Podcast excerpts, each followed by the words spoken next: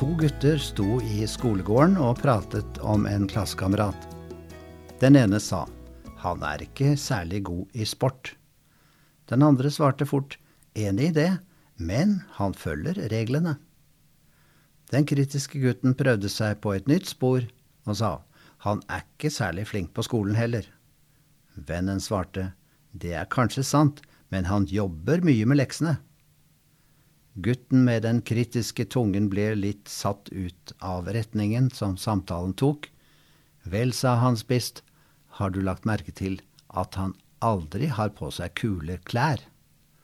Den andre svarte vennlig, men har du tenkt på at han ikke trenger det nyeste og beste for å være glad? Han ser ut til å være mer lykkelig enn de fleste av oss. Samtalen fortsatte på samme måten, og hver eneste påstand ble møtt av en positiv kommentar. Nå vel, hvis dette er en opptiktet fortelling, og det er det, så kan vi spørre hvilken av de to guttene i skolegården ligner mest på deg? Er du han som forsvarer andre, eller den som bare kritiserer?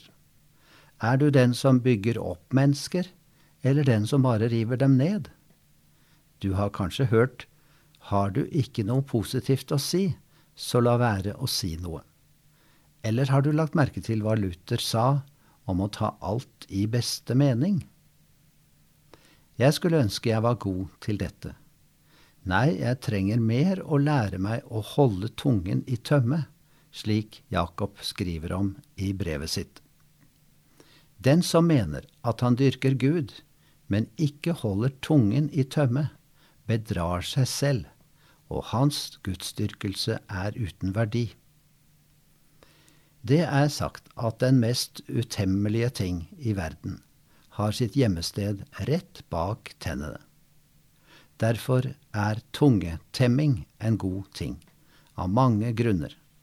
Det er godt og nyttig å bygge opp andre. Dessuten er det godt for oss selv å se verden og hverandre i et positivt lys. Fremfor alt gir det et flott gjenskinn av Jesus.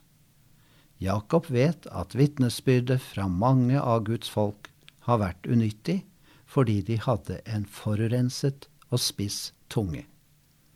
Jeg vil synes det er fryktelig leit at noen ikke dukker opp i himmelen fordi jeg slurvet forferdelig med bruken av tungen min.